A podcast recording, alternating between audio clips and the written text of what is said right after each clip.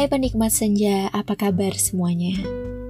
Aku alhamdulillah di sini baik. Aku harap kalian yang di sana juga baik ya. Karena akhir-akhir ini kondisi sedang lagi berantakan. Messed up ya, gara-gara COVID-19 yang semakin menyebar dan akhirnya kita harus terpaksa di rumah lagi kayak PSBB. Cuma namanya aja PPKM.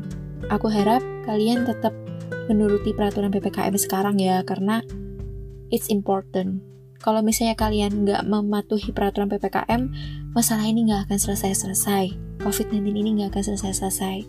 Jadi kalau misalnya kalian ingin berkegiatan dengan baik lagi seperti dulu, ya kita harus tetap mengikuti peraturan PPKM. Oke, okay? tetap pakai masker, double masking, terus hand sanitizer, cuci tangan, dan pokoknya ngikutin protokol kesehatan. Oke okay, semuanya? Dan aku harap kalian sekarang yang sedang mendengarkan podcast Sinar Senja baik-baik aja. Dan kalau ada yang sedang tidak baik-baik saja, entah itu patah hati atau sedang sakit, aku harap kalian lekas sembuh dan kembali ceria dan menikmati dunia ini dengan perasaan tenang dan uh, lega gitu. ya dan untuk teman-teman yang dengerin ini lagi mengidap covid aku harap kalian cepat sembuh aku yakin kalian pasti bisa sembuh dan semangat terus untuk berjuang melawan COVID biar nanti kalian bisa dapat sarjana COVID. Oke, okay. oh, dan untuk kalian yang belum vaksin, segera vaksin ya. Stay safe ya semua, dan jangan lupa untuk dengerin Sinar Senja. Habis ini ada episode terbaru. Hai penikmat senja, hari ini aku akan membacakan cerpen yang aku tulis sendiri dengan judul Pulang. Kalau kalian penasaran dengan cerpennya, kalian bisa lanjut dengerin podcast ini. Enjoy!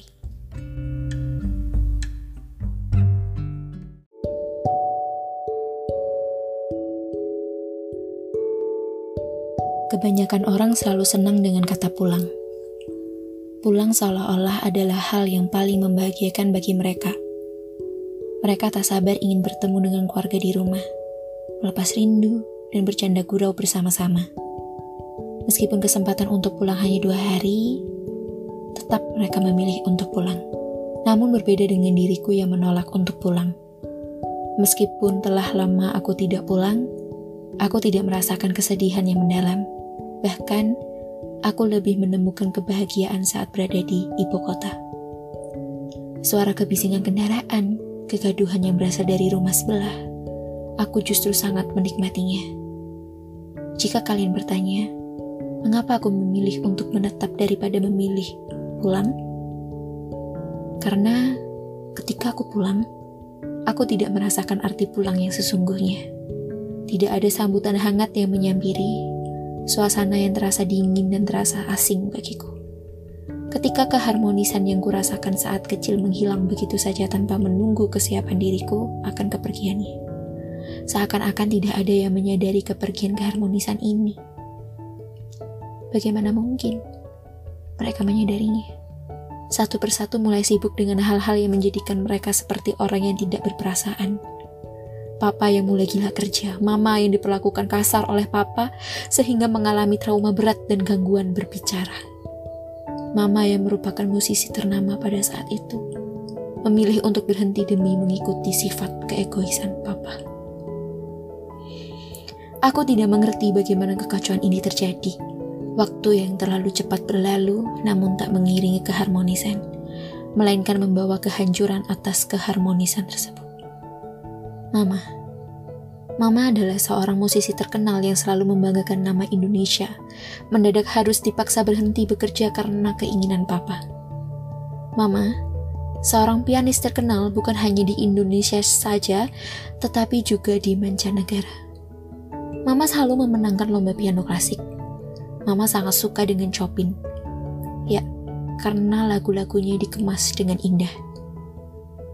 Berkat Chopin, Mama hidup Berkat piano, Mama bebas.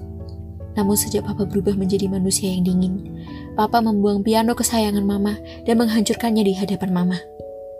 Aku masih ingat seberapa menderitanya Mama ketika melihat pianonya dihancurkan. Mama berteriak histeris sampai-sampai Mama ingin menghancurkan kedua tangannya.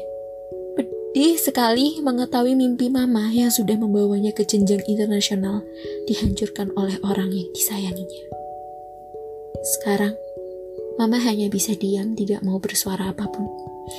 Mama hanya berada di kamar memandang jendela dengan tatapan kosong. Sekarang Mama bukanlah Mama. Mama adalah manusia yang sudah tidak aku kenal lagi. Sejak saat itu, aku tidak pernah betah di rumah. Aku tidak pernah pulang. Kalau aku pulang, di rumah hanya siksaan bagiku. Papa yang jarang di rumah sekaligus sama sekali tidak pernah menanyakan kabarku, membuatku semakin tidak betah di rumah. Sekarang pun aku tidak tahu ada di mana papaku dan sedang bersama siapa saat ini. Yang jelas, aku meyakini satu hal bahwa papa pasti memiliki simpanan di setiap tempat yang dia kunjungi. Meskipun aku benci sekali dengan rumah, aku tidak bisa menyembunyikan rasa rinduku kepada rumah yang dari kecil sudah aku tinggali. Kenangan-kenangan manis bersama kedua orang tuaku, melihat mama bermain piano dengan hebat di ruang tengah sambil ditemani oleh silau matahari yang masuk dari jendela besar, dan ditemani oleh papa yang sedang duduk di sebelah mama sambil memangkuku. Itu adalah kenangan terindah yang ingin aku putar lagi. Aku ingin kembali ke sana. Tetapi aku yakin aku tidak bisa karena hanya cerita fiksi yang bisa memutar kembali waktu dan bisa membenarkan apa yang terjadi di sana. Ini bukan drama 18 Again atau film Narnia. Ini adalah ceritaku sendiri. Tapi sudahlah, aku harus tetap bergerak. Aku harus tetap bergerak meninggalkan masa laluku. Aku sendiri juga tidak yakin apakah aku sedang bergerak atau aku hanya melarikan diri dari sebuah kenyataan. Yang jelas, untuk saat ini, aku sama sekali tidak ingin pulang dan melihat wajah orang-orang yang ada di dalam rumah itu. Namun, tadi pagi aku mendapat surat dari pelayan rumah bahwa aku harus pulang karena kondisi mama yang parah. Dijelaskan secara singkat tetapi jelas oleh pelayan itu bahwa mama kehilangan nafsu makan dan berkali-kali kehilangan kesadaran. Mama juga sering jatuh dan selalu membanting hal-hal yang berbau pecah belah. Bukan hanya itu saja, Mama juga sering menyakiti dirinya sendiri dengan menyayat pergelangan tangannya. Untung saja dia masih bisa ditolong. Mendengar berita itu, hatiku pilu. Hanya saja gengsiku lebih besar dari rasa pilu itu. Egoku selalu mengatakan bahwa aku tidak perlu pulang karena akan merusak reputasi yang sudah aku tanamkan di keluargaku, bahwa aku keluar dari rumah untuk selamanya. Aku tidak mau dicap sebagai anak yang pelin dengan apa yang aku ucapkan. Cukup sikap apa saja yang seperti itu. Di sisi lain, aku harus pulang untuk selalu ada di sebelah mama. Aku yakin mama butuh seseorang di sebelahnya. Aku yakin mama butuh berbicara. Aku yakin mama ingin didengarkan. Namun aku tidak mau hanya karena gengsiku yang besar. Sekarang, aku berada di situasi yang cukup sulit. Apakah aku harus bertahan dengan kegengsianku atau melawan itu dan pulang? Aku berjalan ke sana kemari, mencoba menjernihkan kepala untuk mengambil keputusan. Di sini, aku jadi teringat oleh ucapan mama bahwa ketika hati dan otak tidak bersatu, maka kamu harus mendengarkan kata hatimu, karena hatimu lah yang tahu mana yang terbaik buatmu. Keesokan harinya, aku sudah berada di bandara sedang menunggu panggilan keberangkatan dari maskapai yang akan aku tumpangi. Sembari menunggu, aku menuliskan isi hatiku di buku harian agar pikiranku menjadi jernih. Aku memilih untuk pulang dan melawan egoku hanya karena untuk mama. Ini semua demi mama, bukan demi papa. Aku sendiri juga tidak peduli kondisi dari papa sendiri. Pada saat aku sedang sibuk menulis, tiba-tiba ada seorang kakek-kakek duduk di sebelahku. Aku mengamati wajahnya yang sudah dimakan usia.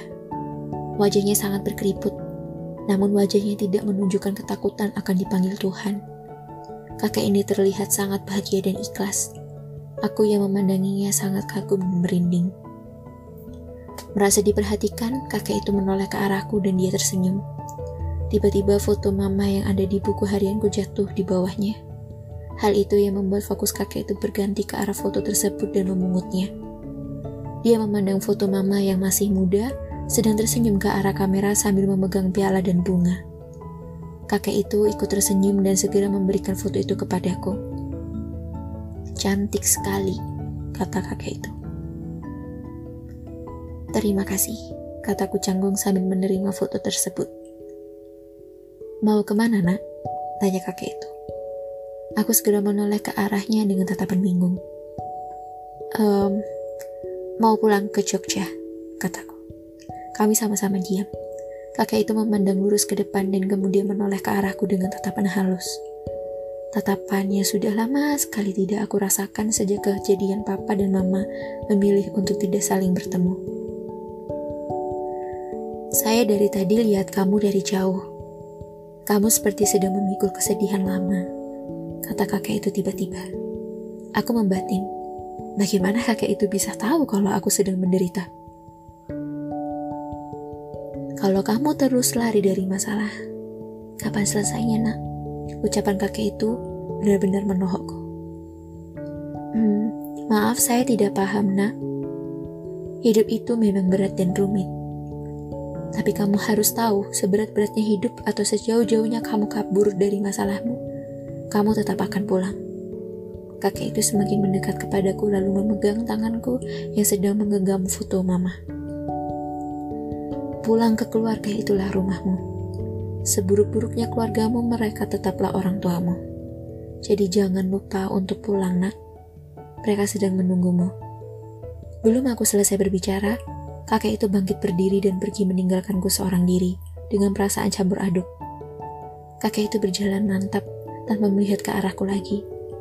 Dia menghilang di tengah kerumunan orang yang terus berlalu lalang. Aku kembali melihat foto mama yang dari tadi aku pegang. Kemudian aku mengambil foto papa yang aku robek dari sisi foto mama. Aku memasangkan lagi kedua foto itu sambil berkaca-kaca. Apa benar mereka menungguku untuk kembali?